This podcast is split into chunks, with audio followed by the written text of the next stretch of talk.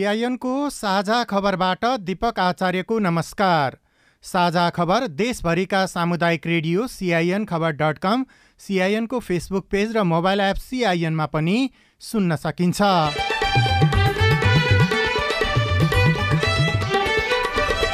सरकार टिकाउन राष्ट्रियतासँग सम्झौता नगर्ने एमाले अध्यक्ष ओलीको भनाई पार्टी विरुद्ध विभिन्न शक्ति परिचालित भएको दावी एउटा संसदमा नटुङ्गिएको महाअभियोग प्रस्ताव अर्को संसदमा लैजाने कि नै नलैजाने भन्नेमा सांसदहरूबीच विवाद। आफ्नो आफ्नो ओपिनियन राखेको हो। ओपिनियन राख्दै निर्णय भएर सहमत भयो भनेर हामी जस्ता सांसदलाई बदनामित गर्ने यो त यो बदनामित हुने कुरा हो। सरकार र यातायात मजदुरबीच पाँच बुधे सहमति निर्मला कुर्मी प्रकरणमा विशेष अनुसन्धान गर्ने सरकारको लिखित प्रतिबद्धता आन्दोलन रोकियो। कृषि बिमाका लागि झन्डै एकतिस करोड भुक्तानी।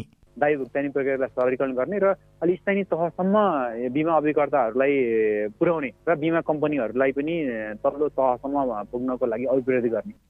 बैङ्क र वित्तीय संस्थाबाट ऋण लिएर नतिर्नेहरूको सङ्ख्या दोब्बरले बढ्यो। खराब ऋण बढ्दै जानु अर्थतन्त्रका लागि जोखिमपूर्ण भएको अर्थविदको विश्लेषण लघु वित्तको ऋणले डडेलधुराका विपन्न नागरिकको उठिवास। हामीलाई धेरै सताइरहेको छ बङ्गवालाले दिन हामीले धेरै दिए हाम्रो दिया उहाँ कहाँ भाल्यो? के थाहै छैन कहाँ भयो? बिमा शुल्क भरे पनि नानु सुसा शुल्क भरे पनि नानु के पो भरे पनि नानु सौमे राखिएको हाती कुन पैसा यहाँ उहाँ हालेर सौस आउँछ नानु र त्रिकोणात्मक एक दिवसीय क्रिकेट श्रृङ्खलामा नामिबिया विरुद्ध नेपालको कीर्तिमानी जित।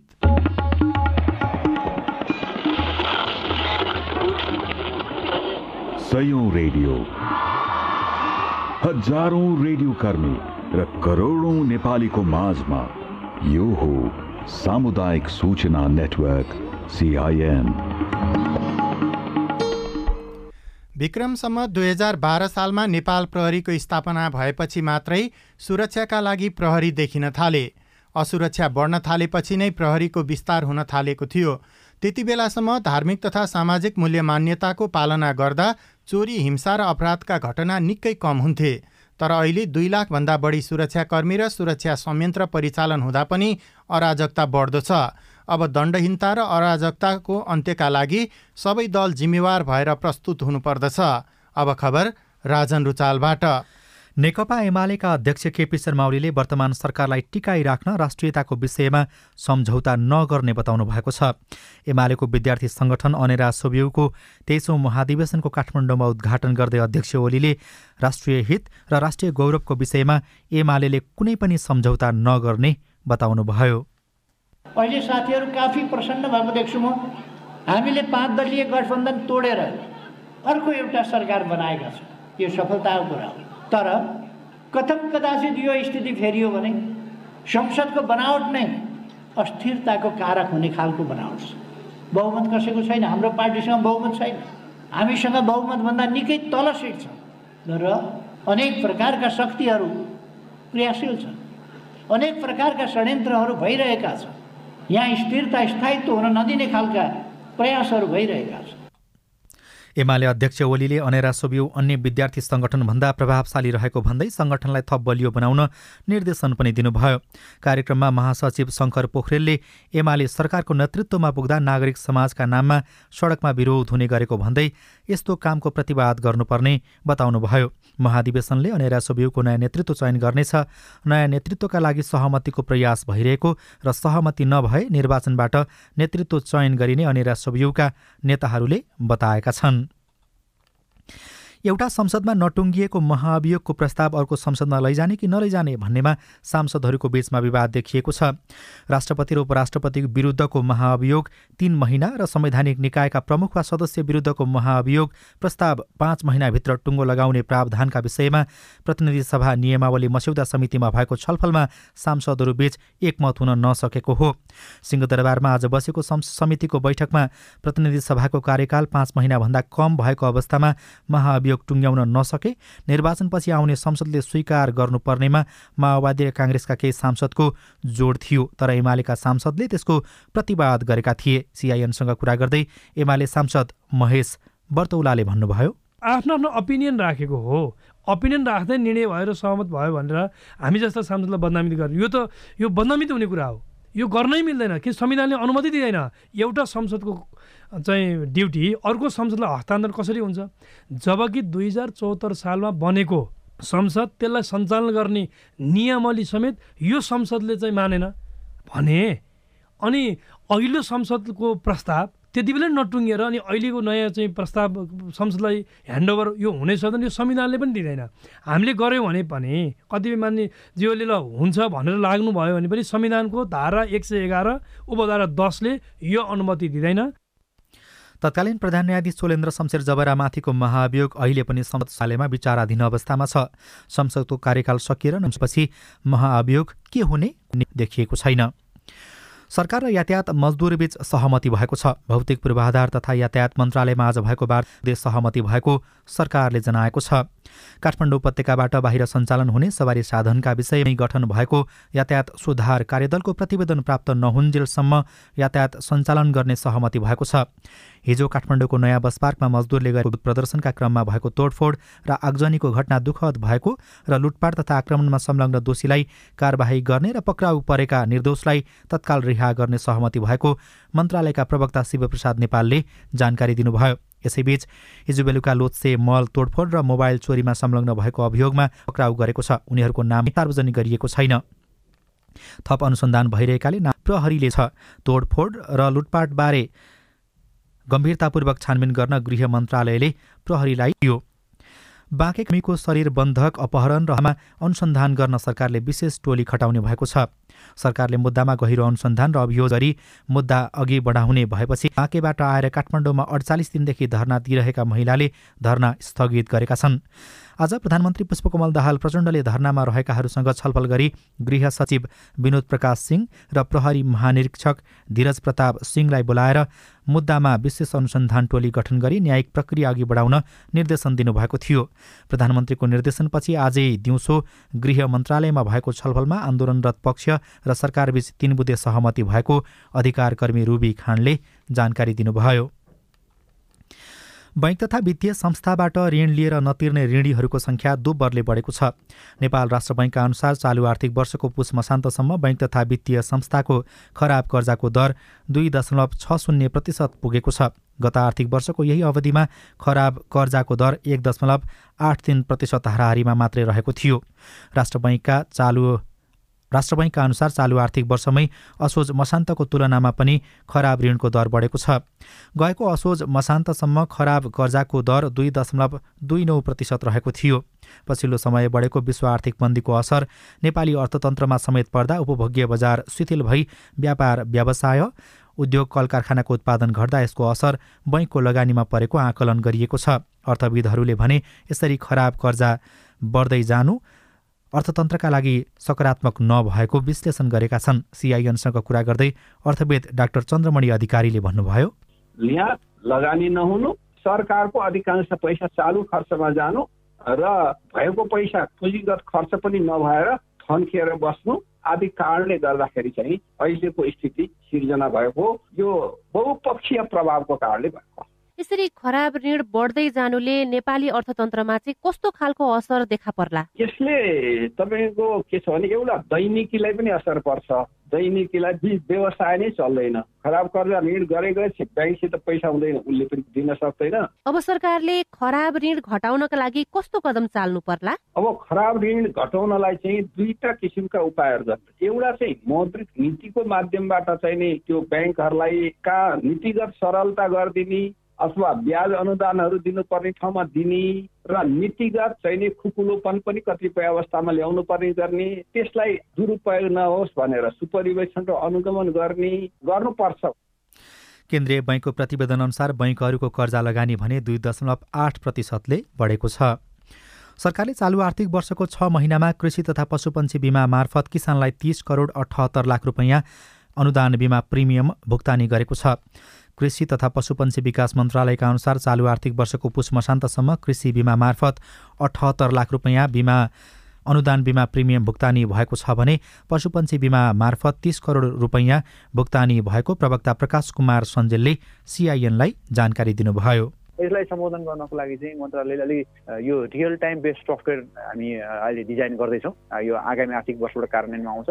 र यो दावी भुक्तानीको प्रक्रियालाई सहज बनाउने र सबै कृषि बालीतर्फ पनि आउटपुट बेस्ड बिमा प्रणाली लागू गर्ने भनेर हामीले तयारी हुँदैछ। त्यसो भयो भने मलाई लाग्छ कृषितर्फ पनि बिस्तारै यो सुधार हुँदै गए पनि गइरहेको छ विगत तुलनामा। र अब दावी भुक्तानी प्रक्रियालाई सरलीकरण गर्ने र अलिक स्थानीय तहसम्म बिमा अभिकर्ताहरूलाई पुर्याउने र बिमा कम्पनीहरूलाई पनि तल्लो तहसम्म पुग्नको लागि अभिवृद्धि गर्ने। यी यही चार पाँचवटा विधि अप्नाएर हामीले कृषि तथा बिमालाई प्रभावकारी रूपमा अगाडि ल्याउने योजना अगाडि ल्याएका छौँ। साझा खबरमा अब एउटा विदेशको खबर भारतको नयाँ दिल्ली र मुम्बईमा रहेको बिबिसीको कार्यालयमा भारतीय आयकर विभागले छापा मारेको छ। अन्तर्राष्ट्रिय करमा गडबडीको विषयमा आयकरको तर्फबाट अनुसन्धान गरिएको र यसै सन्दर्भमा आज बिहान आयकरको तर्फबाट कम्पनीका दुई कार्यालयमा छापा मारिएको भारतीय सरकारी अधिकारीले बताएका छन्। बिबिसीले आफूहरूले अनुसन्धानमा पूर्ण रूपमा सहयोग गरिरहेको पनि बताएको छ। एउटा खेल खबरमा विश्व क्रिकेट लिग टू अन्तर्गत त्रिकोणात्मक एक दिवसीय खेलमा नेपालले नामिबियालाई दुई विकेटले हराएको छ। नामिबियाले दिएको दुई सय छयासी रनको लक्ष्य नेपालले सत्तालिस ओभर दुई बलमा दुई विकेट गुमाएर पुरा गर्यो। आठ विकेट गुमाएर पुरा गर्यो। नेपालको जितमा कुशल भुर्तेलले एक सय तेह्र बलमा एक सय पन्ध्र रन बनाउनुभयो त्यस्तै कप्तान रोहित पौडेलले बहत्तर रन बनाउँदा सन्दीप जोराले अठाइस र ज्ञानेन्द्र मल्लले पच्चिस रनको योगदान गर्नुभयो। करण केसी बिस रनमा अभिजित रहनुभयो। त्यसअघि किर्तिपुरमा टस हारेर पहिले ब्याटिङ गरेको नामिबियाले दुई सय पचासी रन बनाएको थियो। नेपालका लागि करण केसीले पाँच सन्दीप लामिछानेले तीन तथा सोमपाल कामी र कुशल मल्लले एक एक विकेट लिनुभयो। यो नेपालले भेट्टाएको अहिलेसम्मकै सबैभन्दा ठूलो लक्ष्य हो। यस्तै नेपालले नामिबियालाई पहिलो पटक हराएको हो। यसअघिका चार खेलमा नेपालले नामिबियालाई हराउन सकेको थिएन। प्रतियोगितामा भोलि नामिबिया र स्कटल्यान्डबीच प्रतिस्पर्धा हुनेछ।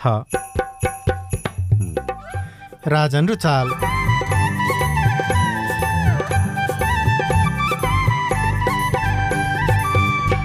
रेडियोप्रति श्रोताको चाह कसरी बढाउन सकिन्छ? पब्लिक इन्ट्रेस्टका कार्यक्रमहरू पब्लिक इन्ट्रेस्टका सूचनाहरू समाहित गरेर कन्टेन्ट दियो भने मान्छे अझ बढी सुन्ला नभए चाहिँ अहिलेको सन्दर्भमा अलिकति सृजनात्मक कार्यक्रम चाहियो। रेडियो सूचनाको भरपर्दो माध्यम रिपोर्टसँगै लघुवित्तको ऋणले विपन्न परिवारको उठिवास राष्ट्र बैङ्कले लघुवित्तलाई कसरी नियमन गर्छ लगायतका विशेष सामग्री बाँकी नै छन् सिआइएनको साझा खबर सुन्दै गर्नुहोला।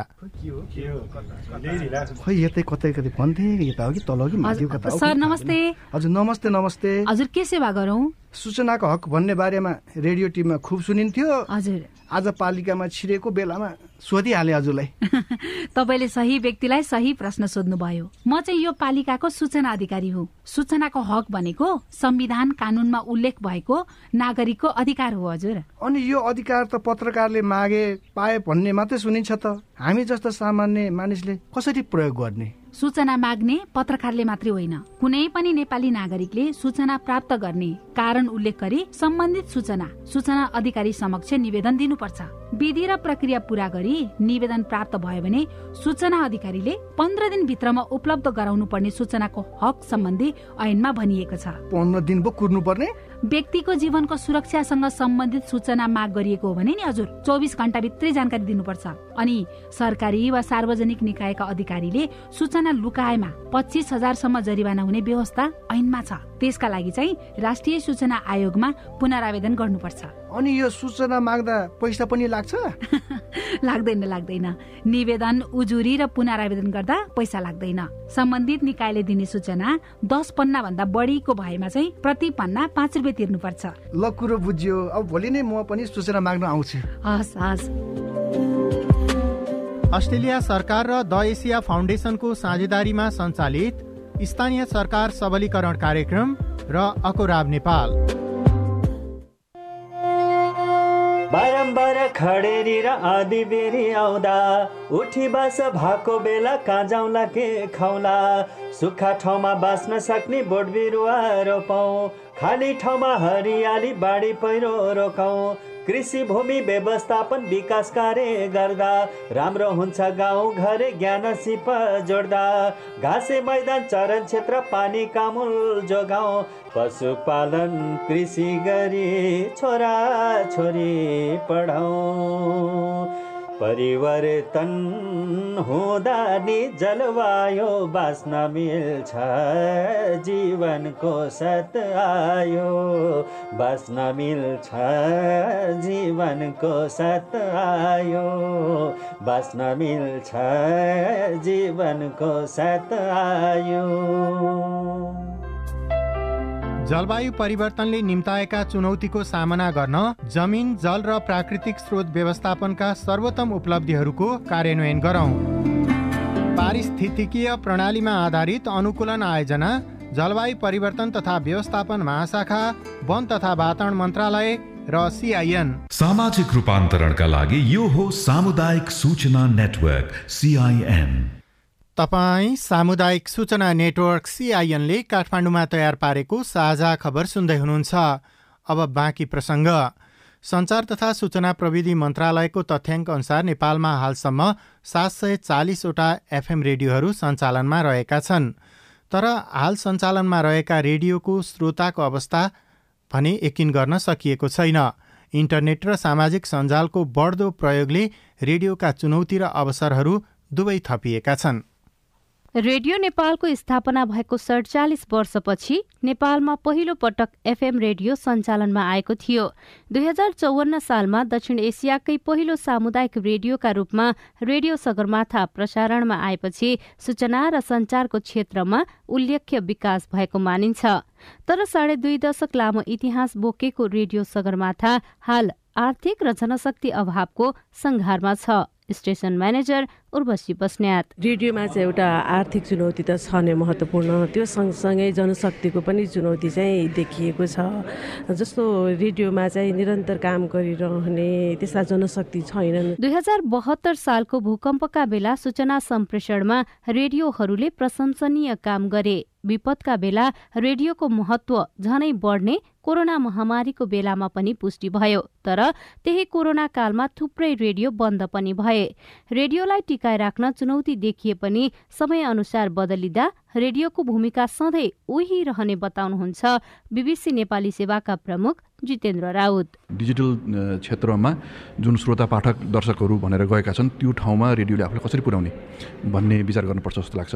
र यसमा रेडियोको हकमा सजिलो के छ भन्दा रेडियोले रिइन्भेन्ट गरिरहनु पर्दैन आफूलाई किनभने रेडियोको जुन कन्टेन्ट हो अडियो हो त्यो डिजिटल कन्टेन्ट हो। त्यो रेडियो पहिल्यै भएको हुनाले आफूलाई अलिकति चिन्ने यो अवसर अलिकति चिनेर आफूलाई नयाँ श्रोताको स्वाद रुचि मागसँग अलिकति ढाल्ने हो भने अहिलेको जुन अवस्था छ त्यसलाई अवसरको रूपमा परिवर्तन गर्न सकिन्छ होला भन्ने लाग्छ। नेपाल दूरसञ्चार प्राधिकरणका अनुसार नेपालमा हाल अस्सी प्रतिशत नागरिक इन्टरनेटको पहुँचमा छन्। इन्टरनेटको पहुँच बढेसँगै यसकै माध्यमबाट खबर सुन्नेको संख्या पनि बढ्दो छ। यसले रेडियो सुन्नेको संख्या घटेको हुन सक्ने आकलन गरिएको छ। सेरकास्टले गरेको पछिल्लो सर्वेक्षण अनुसार नेपालमा दस मध्ये चारजनाले रेडियो सुन्ने गरेका छन्। तर सुदूरपश्चिम र कर्णाली प्रदेशमा भने साठी प्रतिशतको रोजाइ अझै पनि रेडियो नै रहेको सेरकास्टका अध्यक्ष मधु आचार्यको भनाइ छ। नेपालको हिसाबमा हेर्दाखेरि सुदूरपश्चिम र कर्णाली प्रदेशमा चाहिँ रेडियो धेरै मान्छेले सुन्छन् र रेडियोमा निर्भर छन्। त्यही भएर रेडियोलाई चाहिँ समाचारभन्दा बाहिर पब्लिक इन्ट्रेस्टका कार्यक्रमहरू पब्लिक इन्ट्रेस्टका सूचनाहरू समाहित गरेर कन्टेन्ट दियो भने मान्छे अझ बढी सुन्लान्। नभए चाहिँ अहिलेको सन्दर्भमा अलिकति सृजनात्मक कार्यक्रम चाहियो। पछिल्लो समय रेडियोका सामग्री पनि सामाजिक सञ्जाल मार्फत सुन्न सकिन्छ। समय अनुसार श्रोताको मागलाई मध्यनजर गर्दै अघि बढ्न सके रेडियो टिकाइ राख्न सकिने अनुसन्धानकर्ता उज्जवल आचार्य बताउनुहुन्छ। विश्वका अरू देशहरूमा यो कसरी असान्दर्भिक भयो कसरी यो ओह्रालो लाग्यो भनेर देख्यो भनेपछि त्यहाँबाट सिकेर हामीले यसलाई कसरी सान्दर्भिक बनाइरहने? रेडियोलाई कस के गर्दाखेरि चाहिँ यो अझै पनि उपयोगी भइरहन्छ अथवा रेडियोको प्रभाव रहिरहन्छ भन्ने कुरा चाहिँ सिक्ने मौका चाहिँ हामीसँग छ त्यो चाहिँ हाम्रो लागि अवसर हो। समुदाय विशेषका लागि सञ्चारमा पहुँच बढाउन रेडियो महत्वपूर्ण छ। तर एकै ठाउँमा दर्जनौं रेडियो सञ्चालनमा आउँदा स्रोत अभाव हुने र गुणस्तरीयता खस्कने अध्ययताहरू बताउँछन्। सजना तिमल सिन्हा सिआइएन काठमाडौँ। साझा खबरमा अब हेलो सिआइएन उषा तामाङबाट। नमस्ते म मुगुबाट रतन बहादुर राहुल दुई हजार उनासी असोज महिनाको उन्नाइस गते अविरल वर्षा हुँदा छाइनाद्वारा नगरपालिकाको वडा नम्बर आठ झ्यारी गाउँ पाँचवटा घर पूर्ण रूपमा बगाएको र गाउँै जोखिम भएकोले अहिले हामी अन्यत्र माथि बामी चौरमा बस्दै आएका छौँ। बामी चौरमा बस्ने क्रममा बारम्बार रारा राष्ट्रिय निकुञ्जका कर्मचारी आएर तपाईँ आफ्नै गाउँमा फर्किनुहोस् भन्छन्। त्यो भएर मैले पिएन मार्फत यो गुनासो गरेको। तपाईँको गुनासो हामीले मुगुका प्रमुख जिल्लाधिकारी मोहन बहादुर थापालाई सुनाएका छौँ। बसोबास बसेको ठाउँ चाहिँ हेरे। यो रारा राष्ट्रिय निकुञ्जको चाहिँ जमिन निकुञ्जको एरियाभित्र पर्दो रहेछ र यो तत्कालीन अवस्थामा आपतकालीन रूपमा चाहिँ राखिएको रहेछ। अब अहिले चाहिँ यसमा चाहिँ केही घरहरू चाहिँ को अवस्था चाहिँ असामान्य छ भन्ने मैले पनि सुनेको छु र यसको चाहिँ लगत सङ्कलन पालिकाले गरेको होला। पालिका मार्फत अहिले हाम्रो चाहिँ सम्बन्धित जग्गा धनीलाई घर धनीलाई के कति राहत पुगेको छ त्यो चाहिँ हाम्रो सफ्टवेयर कोबो कोलेट भन्ने छ। त्यसमा चाहिँ तालिम पनि भइसकेको छ र तालिम भइसकेपछि सम्बन्धित पालिकाले अध्ययन गरी घर चाहिँ पुननिर्माण गर्नुपर्ने हो कि पुनस्थापना गर्ने हो कि बस्ती नै पुनस्थापना गर्नुपर्ने हो कि तिनवटा चाहिँ प्रक्रिया चाहिँ हुन्छन्। मोगुका प्रमुख जिल्लाधिकारी थापाको कुरा सुनेपछि हामीले छायानाथ रारा नगरपालिकाका प्रमुख विष्णु कुमार भामलाई पनि सम्पर्क गरेका छौं। हामीले चाहिँ चौधै वडामा चाहिँ प्राविधिक पठाएर चाहिँ पुननिर्माणको लागि सूत्रबाट भर्ने अनि राष्ट्रिय विपद प्राधिकरणमा चाहिँ वेबसाइटमा जान्छ। त्यसपछि पुननिर्माणको लागि पाँच लाख रुपियाँ पाउँछन्। उहाँहरू चाहिँ गाउँमा फर्कन मान्नु हुँदैन भएको जिगिर के छ भने हामी रारा राष्ट्रिय निकुञ्जको चाहिँ सिमानामा पर्छौँ हामी यहाँ बस्दैनौँ बस्ती स्थानान्तरण गर्नुपर्छ भन्ने माग छ। अब चाहिँ सहज तरिकाले चाहिँ स्थानान्तरण हुँदैन। बरु चाहिँ पुननिर्माणका लागि हाम्रो ठाउँमा चाहिँ उहाँहरूले जग्गा जमिन खोजेर पुननिर्माणका लागि चाहिँ हामीले पाँच लाख रुपियाँ प्रत्येक व्यक्तिलाई घर गएको मुजुलका अनुसार तिनलाई चाहिँ दिने भनेकै छौँ। अनि फागुन एक गते परेको विश्व रेडियो दिवसको सन्दर्भमा एकजना श्रोता भन्नुहुन्छ। रेडियो दिवसको उपलक्ष्यमा रेडियोले शत प्रतिशत उन्नति गर्दै जाओस् मेरो शुभकामना छ। र हाम्रो देशमा पुरा काप्चामा बसोबास गर्ने प्रत्येक नेपालीले आफूले चाहेको स्टेसनबाट अथवा आफूले चाहेको स्टेसन जुनसुकै जिल्लाको सुन्न पाउने व्यवस्था भइदिए सुनमा सुगन्ध हुने थियो। धन्यवाद। गणेश बहादुर थापा मगर मामुर आलिटाल तिन डडेलधुरा सुदूरपश्चिम प्रदेश। तपाईँ जुनसुकै बेला हाम्रो टेलिफोन नम्बर शून्य एक बाहन्न साठी छ चार छमा फोन गरेर आफ्नो विचार प्रश्न गुनासो तथा प्रतिक्रिया रेकर्ड गर्न सक्नुहुन्छ। तपाईँ सामुदायिक सूचना नेटवर्क सिआइएनले काठमाडौँमा तयार पारेको साझा खबर सुनिरहनु भएको छ। लघु वित्तबाट ऋण लिएका विपन्न नागरिक घर छोडेर भाग्न बाध्य अब कति हो के हो भन्ने हामीलाई थाहा भइदियो त हामी आफै जानिहाल्ने यति घट्यो यति छ भन्ने। त्यो हामीलाई थाहा नहुने भयो। डडेलधुराका चालिस परिवारको उठीवास रिपोर्टसँगै विपन्न फसाउने लघुवित्तलाई के हुन्छ कारवाही राष्ट्र बैङ्कका एकजना अधिकारीसँगको कुराकानी पनि बाँकी नै छ। सिआइएनको साझा खबर सुन्दै गर्नुहोला। बाल विवाह विरुद्ध धर्मगुरुहरूको प्रतिबद्धता। वैदिक साहित्यमा बाल विवाह छैन। बाल विवाह हाम्रो मण्डली अन्तर्गत भएको छैन। हाम्रोमा बाल विवाह हुँदैन। यो मुद्दुमले भनेको कुरा हो र हाम्रो व्यवहारमा त्यस्तो नै छ। राधामिस गीता बाइबल कुरान वेद लगायतका सबै धर्मका ग्रन्थहरूले बाल विवाह गर्नुहुन्न भनेको भनेर धर्मगुरुले रेडियोबाट भनेको सधैँ सुन्ने गरिन्छ। तर किन बाल विवाह अन्त्य नभएको होला? हाम्रो नगरलाई बाल विवाह मुक्त गराउन अब के गर्ने होला? त्यो त हो नगर प्रमुखज्यू। भनेर मात्रै पुग्दैन। सबै धर्मका धर्मगुरुहरूले म बाल विवाह गराउने काममा संलग्न हुन्न भनेर प्रतिबद्धता जनाउने र अरूलाई पनि त्यस्तै सिकाउने कार्य गर्न सके मात्रै त्यो कार्य प्रभावकारी हुन्छ। अनि बाल विवाह विरुद्ध काम गर्ने संघ संस्थाहरू र तपाईँहरू जस्ता स्थानीय सरकारले पनि धर्मगुरु र धार्मिक अगुवाहरूलाई यो अभियानमा सँगसँगै सहभागी गराएर अघि बढाउन सके। बाल विवाह लगायतका हानिकारक परम्परागत अभ्यास अन्त्य गर्न सकिन्छ। हुन्छ राधा मिस म त्यसै गर्छु। ओल्ड भिजन इन्टरनेसनल नेपाल र अकुराब। सामाजिक रूपान्तरणका लागि यो हो सामुदायिक सूचना नेटवर्क सिआइएन तपाईँ सामुदायिक सूचना नेटवर्क सिआइएनले काठमाडौँमा तयार पारेको साझा खबर सुन्दै हुनुहुन्छ। देशभर झण्डै एक सय लघुवित्तका तीन हजारभन्दा बढी शाखा छन्। ग्रामीण क्षेत्रका नागरिकलाई बिना धितो सामूहिक जमानतमा ऋण उपलब्ध गराउने गरी सञ्चालन गरिएका यस्ता वित्तीय संस्थाले टोल टोलमा समूह गठन गरी बचत र कर्जाको काम गर्दै आएका छन्। तर लघुवित्तसँग गरिएको कारोबारका कारण विपन्न परिवारको उठिवास भएको छ।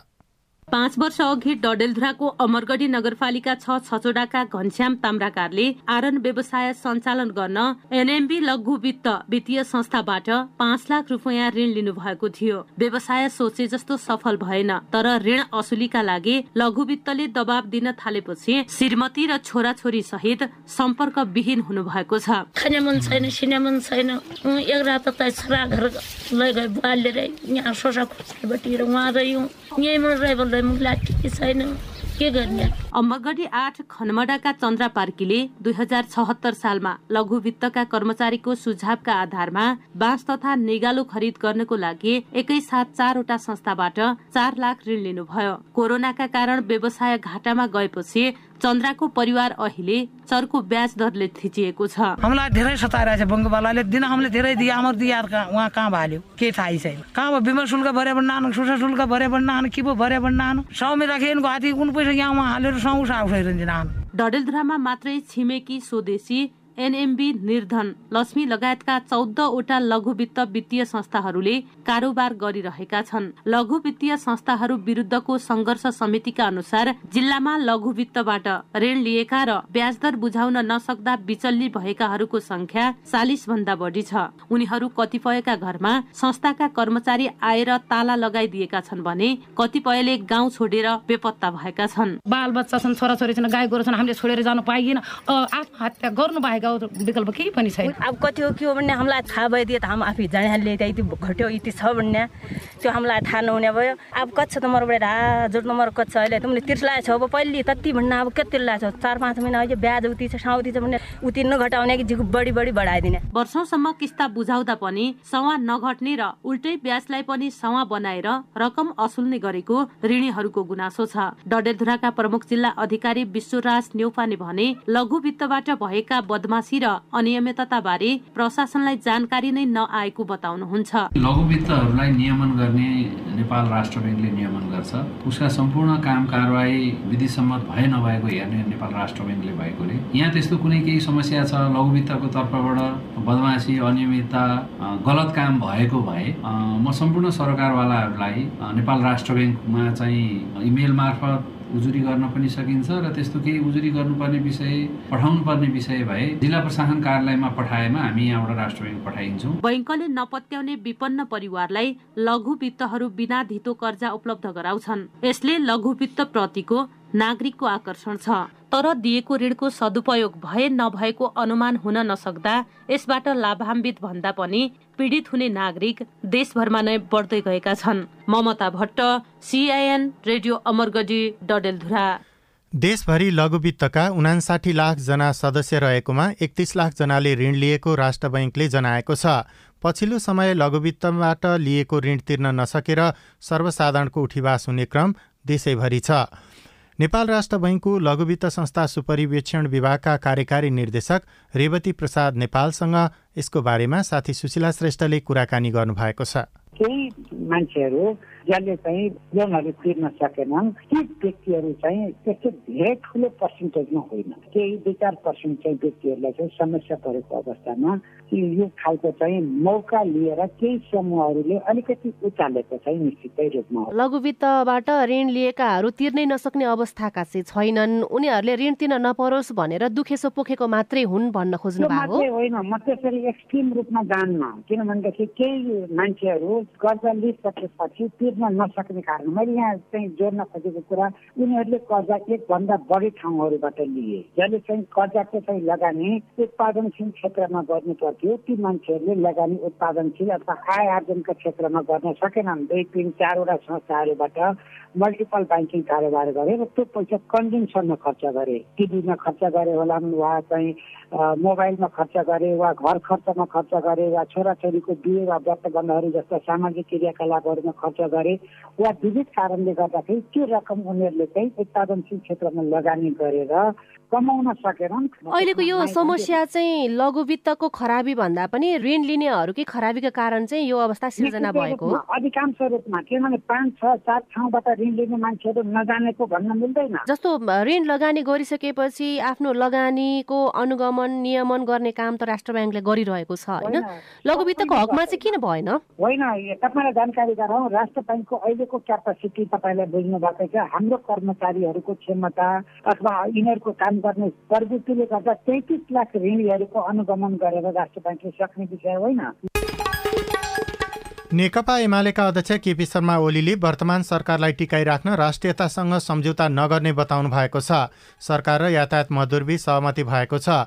हिजो बेलुका काठमाडौँको लुस्से मल तोडफोड र मोबाइल चोरी गर्न संलग्न चारजनालाई प्रहरीले पक्राउ गरेको छ। वित्तीय संस्थाबाट ऋण लिएर नतिर्ने ऋणीहरूको सङ्ख्या दोब्बर भएको छ र विश्वकप क्रिकेट लिग टू अन्तर्गत त्रिकोणात्मक एक दिवसीय खेलमा नेपालले नामिबियालाई हराएको छ। हवस् त आजलाई साझा खबरको समय सकियो। प्राविधिक साथी सुभाष पन्तलाई धन्यवाद। भोलि फागुन तिन गते बिहान छ बजेको साझा खबरमा फेरि भेटौँला। अहिलेलाई भने म दिपक आचार्य पनि बिदा हुन्छु। नमस्कार शुभरात्री।